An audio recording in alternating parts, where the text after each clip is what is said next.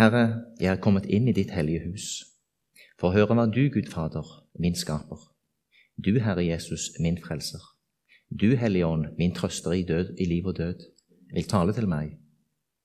Herre, lukk nå opp mitt hjerte ved din Hellige Ånd, så jeg av ditt ord kan lære å sørge over mine synder og tro i liv og død på Jesus og fornyes dag for dag til et hellig liv.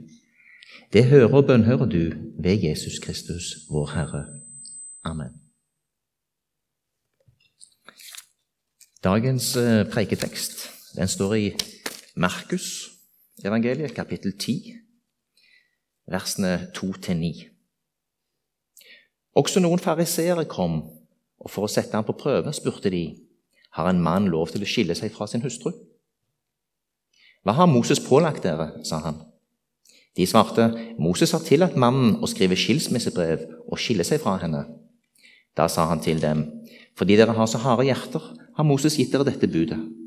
Men fra begynnelsen av, ved skapelsen, skapte han dem til mann og kvinne. Derfor skal mannen forlate sin far og sin mor, og de to skal være ett. Så er det ikke lenger to, deres liv er ett. Det som altså Gud har sammenføyd, skal mennesker ikke skille. Alvorlige tekster i dag. Dette er en sånn en, uh, dag med sånne tekster der jeg tenker at det hadde vært veldig greit å ha en sånn økt etterpå, med litt sånn interaktivt.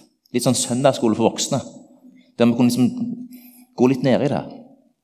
For eh, når vi snakker med en gang Hvis vi sier ekteskap, skilsmisse, bang Der er det mange assosiasjoner med en gang.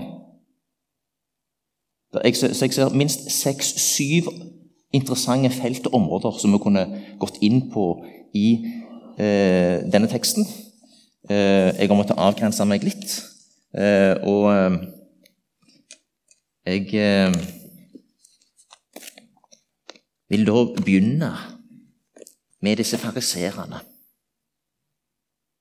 For det som skjer, det er at Jesus ganske ofte blir testa.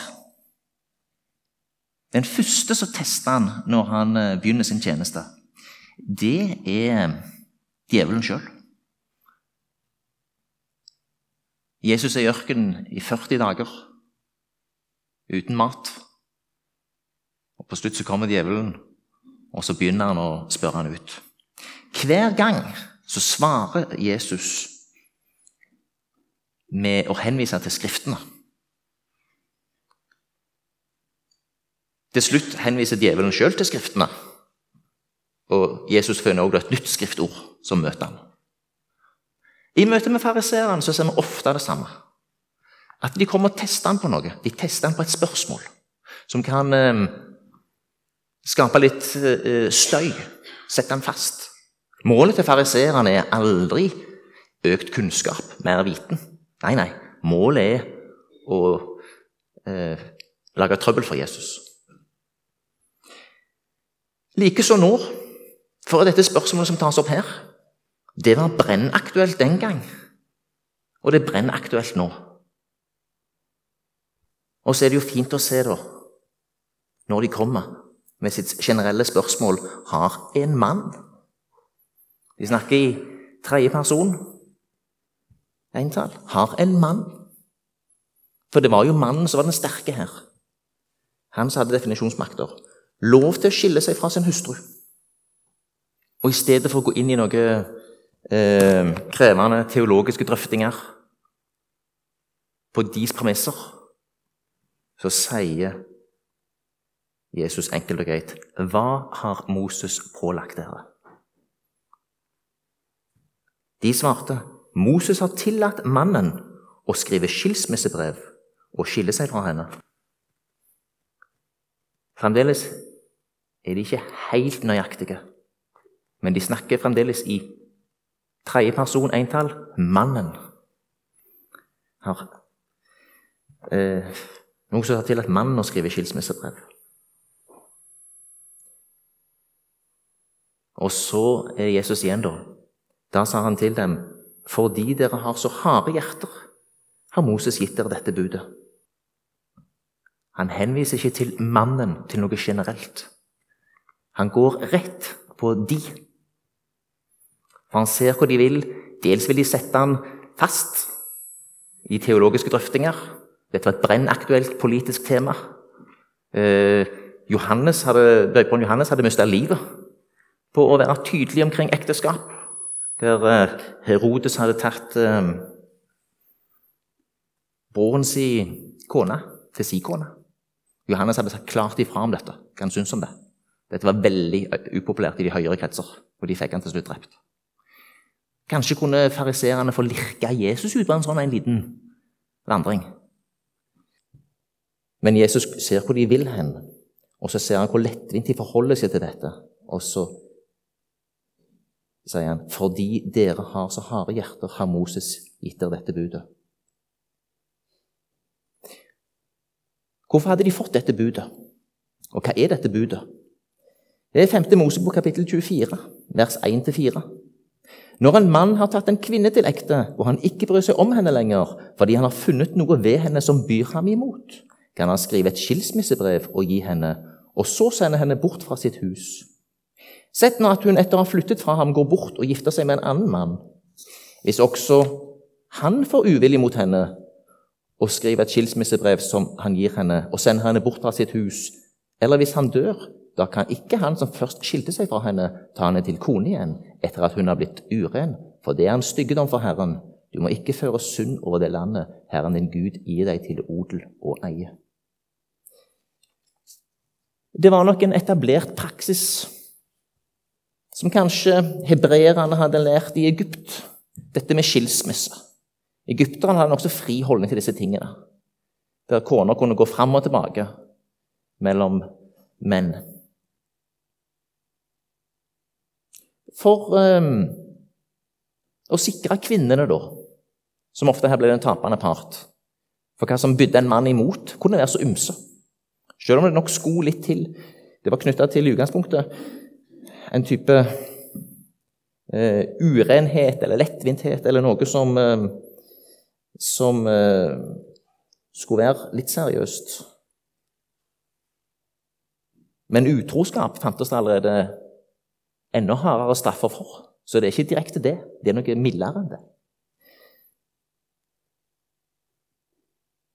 Men hvis ei kvinne ble forlatt av mannen sin uten at hun hadde fått et skilsmissebrev, så var hun i en veldig svak posisjon, hun og ungene. Mannen tok, kunne ta lettvint på det og reiste videre.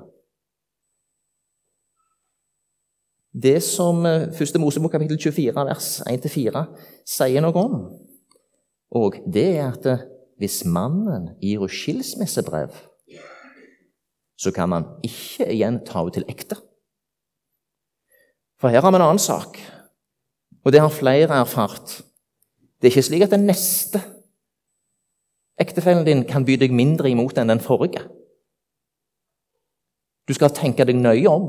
Det skulle ikke være uorden her. Dette var en, egentlig en ordensregel for å sørge for at hvis skilsmissebrevet var gitt, så skulle du ikke noen gang kunne komme og ta den samme ektefellen tilbake. Det ville være å skape en veldig uorden. Og da ville de være likt med hedningene. Så for dette var for Moses en måte å ordne opp i et visst kaos på. Sikre en viss orden, sikre en viss rettigheter til kvinnene. At de tross alt kunne gå videre i livet. Den forrige mannen var som død for dem. De kunne gå videre i livet. Men dette utvikler seg etter hvert til likevel bli en ny lettvinthet for mannen. Det var to skoler her. Den ene litt strenge skolen sa at det var kun utroskap som var denne urenheten så var det god nok grunn til å skille seg. En annen, eh, en annen eh, lærerskole hadde at nei, det var mye enklere som så. Var maten litt svidd, så var det godt nok. Da kunne, kunne du eh, skrive skilsmissebrev. Men Jesus adresserer dette lettvinte, og dette at det er på mannens premisser. Det er òg åpenbart. For han eh, knytter det ikke til mannen, han knytter det til deres lettvinte innstilling og de harde hjerter. Videre sier han fra begynnelsen av, ved skapelsen, skapte Gud dem til mann og kvinne. Derfor skal mannen forlate sin far og sin mor, og de to skal være ett. Så er det ikke lenger to, deres liv er ett. Det som altså Gud har sammenfødt, skal mennesker ikke skille.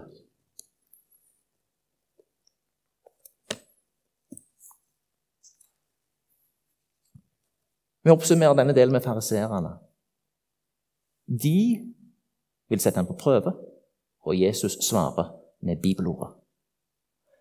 De vil bringe han ut i generelle betraktninger omkring et teologisk tema. Han ser til hjertene deres, og han ser til intensjonen med dette ordet.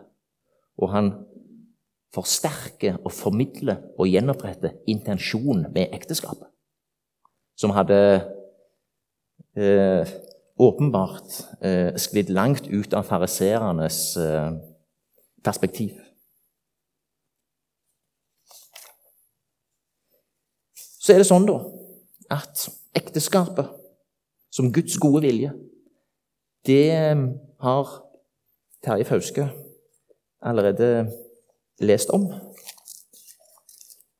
i lesetekstene. Men vi gjentar litt rundt det. For det som står i kapittel 2 i første Mosebok Det er ikke godt for mannen å være alene. Jeg vil gi ham en hjelper som er hans like.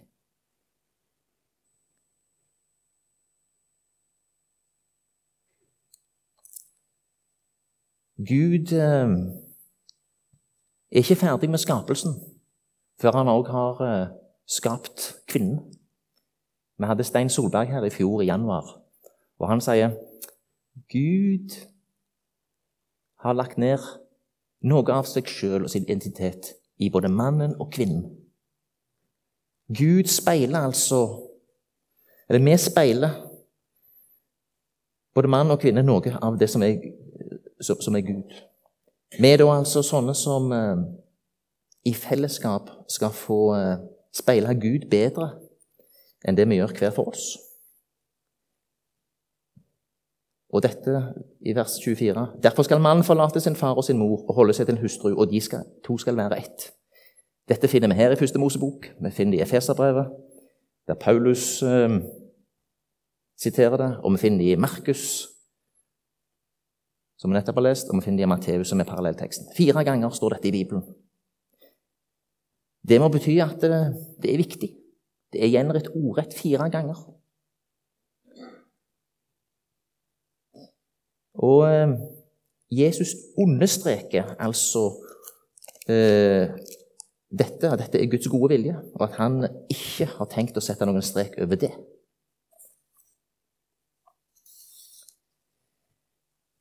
Det er dype mysterium i denne relasjonen.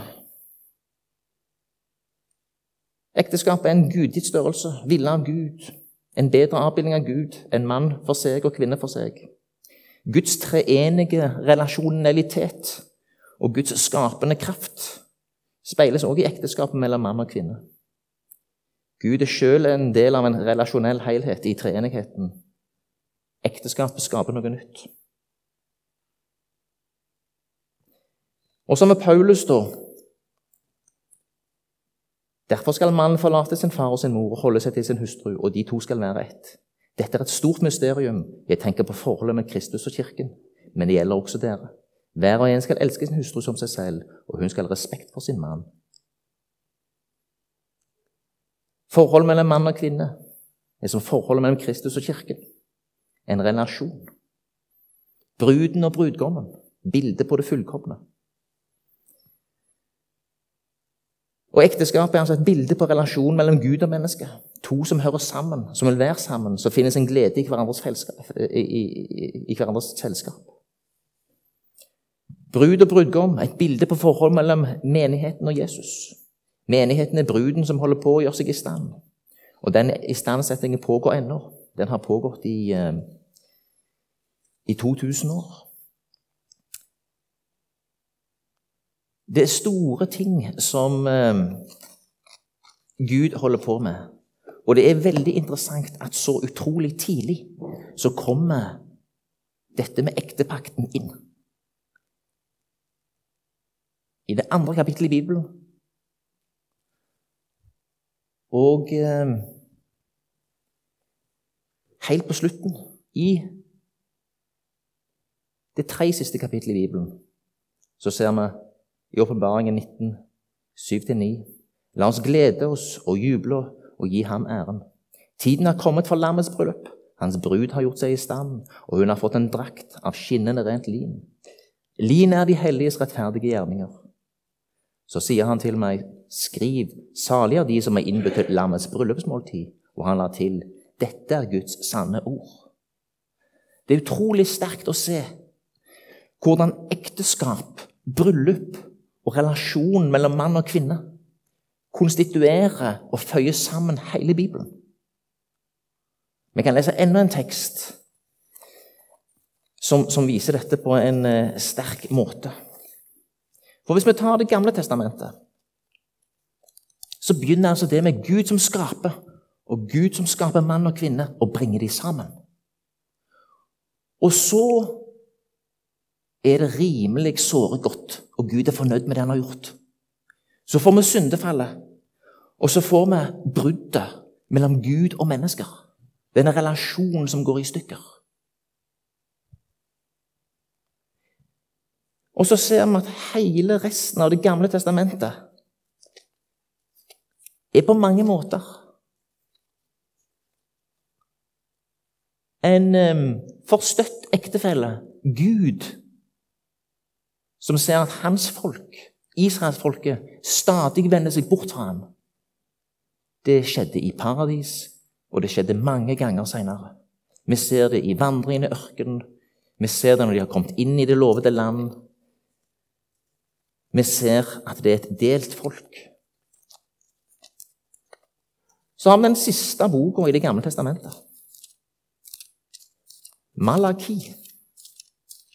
Og i den siste boka i Det gamle testamentet så skriver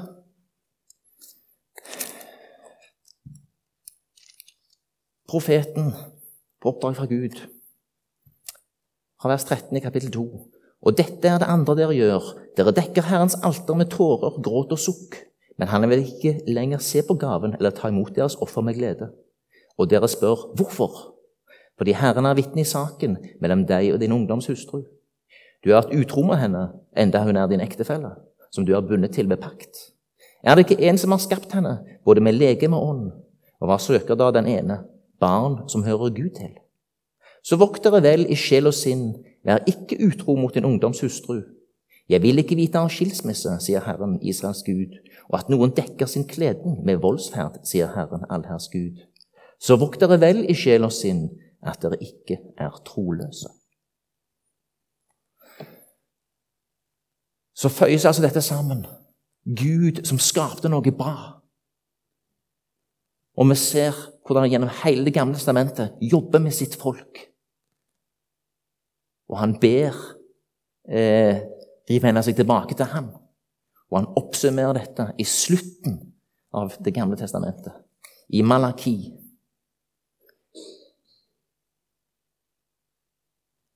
Og så har han hele veien gjennom Det gamle testamentet vist sin trofasthet. Vi ser det i så mange salmer der salmisten sukker til Gud bare du er trofast.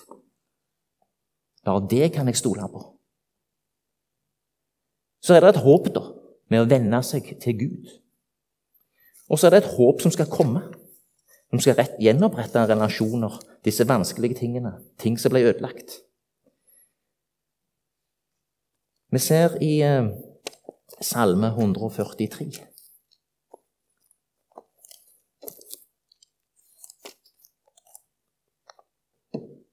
versene 1 og 2.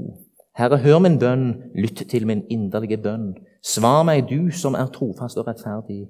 Stevn meg ikke, ikke meg, din tjener, for retten, for ingen som lever, er rettferdig for deg. Svar meg, du som er trofast og rettferdig. Lær meg å gjøre din vilje, for du er min Gud. Din gode ånd skal lede meg på de jevne stier. Hold meg i live, Herre, til ære for ditt navn. Før meg i din rettferd ut av trengselen. Så har vi kommet til Det nye testamentet. Så har vi kommet til fariserene som kommer og spør Jesus om dette ekteskapet. Som for de bare hadde blitt ord. Men der Jesus viser at dette er ikke ord som du skal prøve å unngå i lov. Dette er relasjon. Dette er Guds gode vilje. Og han gjenoppretter på mange måter ekteskapet som en fast ordning mellom mann og kvinne. Som har gjort at den kristne kirka i 2000 år har formidla et budskap om at ekteskapet er en hellig stand, og det er Guds gode vilje at vi skal holde sammen. Hvorfor kan Jesus gjøre dette? Hvorfor kan han gjøre dette? Hvorfor kan han være så mye tøffere enn fariseerne som levde i den gamle pakt? Hvorfor kan han være så mye tydeligere? Da må vi igjen gjøre som Jesus oppfordrer oss til. Vi må gå til Skriften sjøl. Vi leser i uh, Joel 3 1-2. En gang skal det skje at jeg utøser min ånd over alle mennesker. Deres sønner og døtre skal tale profetord. De gamle blant dere skal ha drømmer, og de unge skal se syner. Selv over treller og trellkvinner vil jeg utøse min ånd i de dager. Esekiel 11, 19. Da vil jeg gi dem et nytt hjerte og la dem få en ny ånd. Jeg vil ta steinhjertet ut av kroppen deres og gi dem et kjøtthjerte isteden. Nå er vi litt tilbake til Jesus, som påpeker fariseernes harde hjerte. Det er de harde hjertene som gjorde at Moses måtte forordne dette. Det er de harde hjertene. Men så har vi noen løfter her i Det gamle testamentet om at en dag skal det skje noe nytt. Guds ånd skal bli åpenbart. Guds ånd skal bli utøst.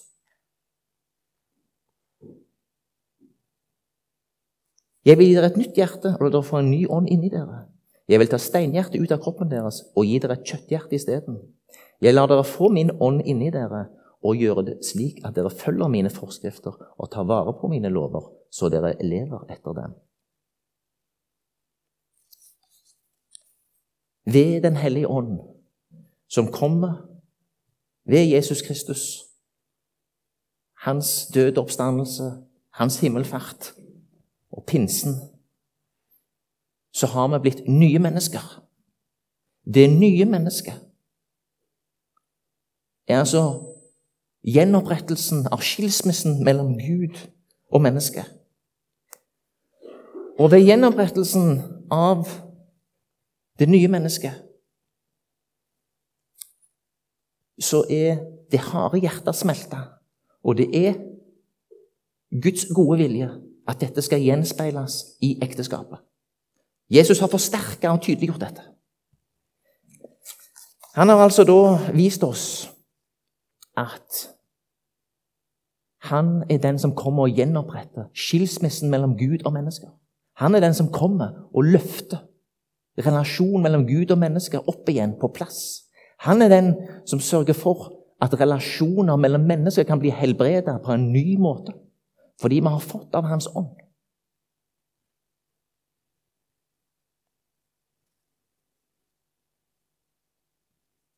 Josva 5,14.: Jeg er høvdingen over Herrens hær. Nå er jeg kommet. Det er grunnen det Jesus sier her òg. Jeg er den som gjenoppretter. Jeg er veien, sannheten og livet.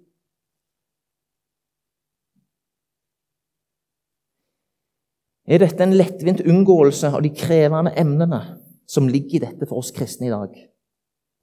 Jeg håper ikke det. Men mitt poeng er å få fram den sterke koblingen som Gud har satt mellom ekteskapet på ene sida og hans relasjon til oss og hver enkelt menneske på den andre. Og dette heller tett i sammen. For den sorg som man kan oppleve i en skilsmisse, den sorg har Gud kjent når mennesket valgte andre veier. Den sorg som mennesket kan kjenne på når han blir forlatt og han ikke lenger er elska. Det er den sorg som Gud kjenner på i møte med de som er hans folk og skulle være en del av hans pakt, og som allikevel ikke velger å gå hans veier og ikke vil være nær ham.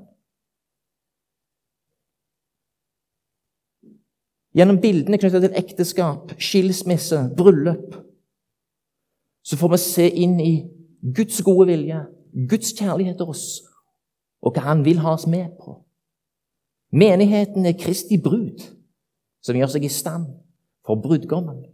Vi er kalt til et bryllup i himmelen, en fullkommen tilstand, der det ikke lenger er sorg, svik, menneskelige nederlag, men der Gud fyller alt i alle. Det er vi kalt til. Og ekteskapet på mange måter konstituerer her i livet noe av dette. Derfor er vårt kall gjennom ekteskap, gjennom familie, å bygge dette som Gud vil. Det finnes ingenting som tydeligere viser Guds kjærlighet og hvem han er, gjennom to som holder sammen i trofast kjærlighet. Og som bygger en familie. Luther var veldig opptatt av dette. Um, Derfor har vi protestanter et særskilt ansvar tenker jeg, for å holde dette på plass. Luther var jo først katolikk. Og når han ikke er det lenger, så gifter han seg med ei tidligere nonne. Han får seks barn. To av de dør egentlig i ung alder. Hun ene tror jeg er ganske liten, hun andre var 14 år. Han opplevde sorg og smerte, men han var veldig glad i ungene sine. De sier at det er, det er få offentlige personer som har vist sånn ømhet og omsorg for ungene sine og familien sin å snakke så vel om de som Luther. Familie, ekteskap, relasjoner, trofasthet. Dette er speiling av Guds gode vilje. For relasjon mellom han og oss. Og relasjonen mellom ektefeller og familien har en stor egenverdi og speiler sånn sett Gud. Så er det sånn Det er ikke alt som går som en vil. Og akkurat som fariserene fariseerne prøvde å binde Jesus og få han inn i teologiske diskusjoner om ordet, så kan vi i dag kanskje gå på andre sider, der noen binder mennesker med dette ordet i det du kan kalle for usunne relasjoner. Vi kan snakke om maktmennesker. Vi kan snakke om forhold der det er åpenbart at eh, trofastheten ikke er til stede. Det er noe som åpenbart er ødelagt. Hvordan tenker vi som bibeltroende mennesker som forplikter oss på ord om disse tingene? Skal noen som sliter i ekteskapet, skal vi, skal vi be dem holde ut uansett? For det står der. Det Jesus gjør, han løfter fram følgende. Han løfter fram det er ikke mannens lettvinte rett til å se på en annen dame og finne en vei ut, som eh, var intensjonen med bibelordet. Guds gode vilje var at ekteskapet skulle være varig. Og det skulle være en eh, livslang pakt, som et bilde på Guds kjærlighet, evige kjærlighet til oss.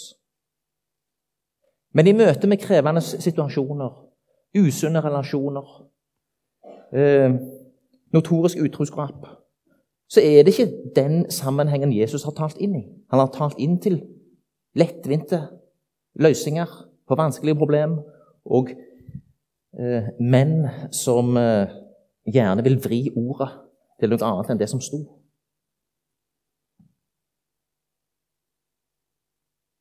Så vet vi altså at vi ikke lever i en perfekt verden der ting går galt, og der vi da eh, trenger veiledning og hjelp. I Romerbrevet kapittel 8 så står det om dette med å vandre i ånden og åndens liv.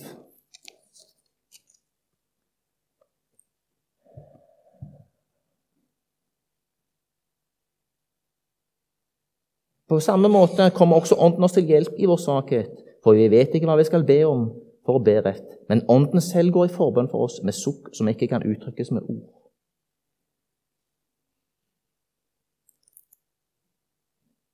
Av og til går det ikke opp. Av og til går det ikke opp.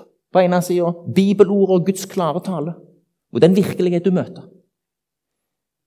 Jeg tenker ofte at treenigheten hjelper oss. Jeg tenker ofte at uh, Gud har skapt deg med forstand. Gud har skapt deg med fornuft.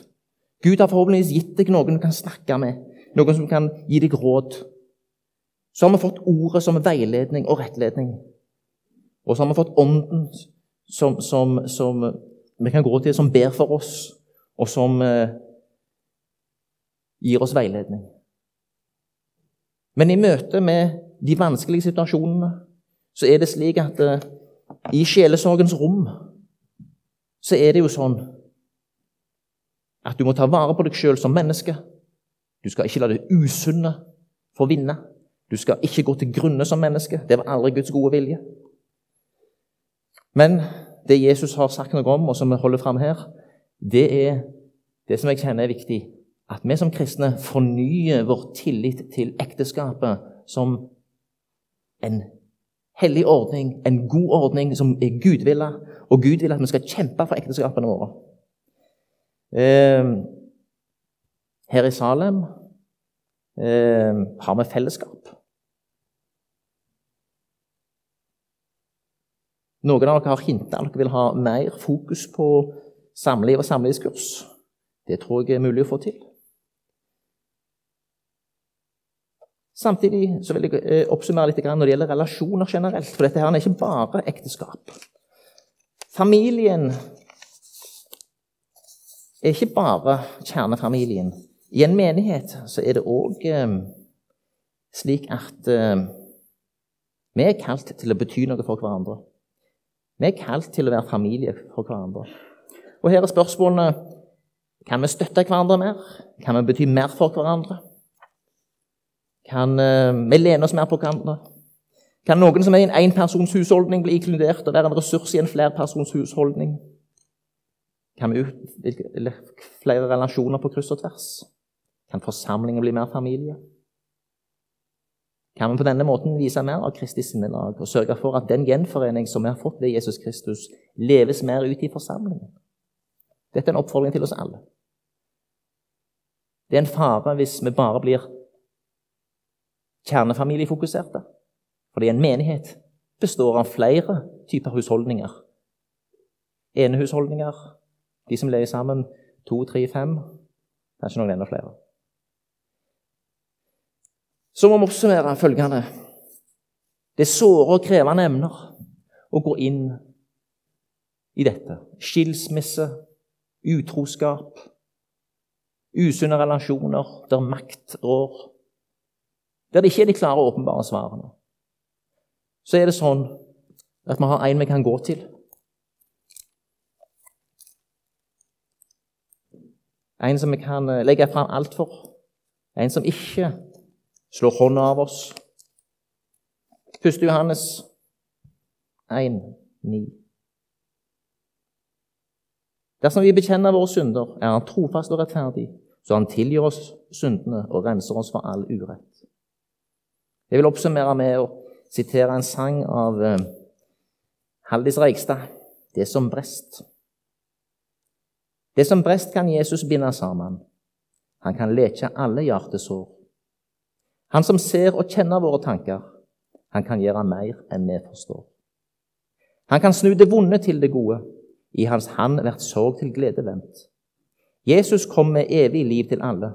Vi må gå og gjøre dette kjent.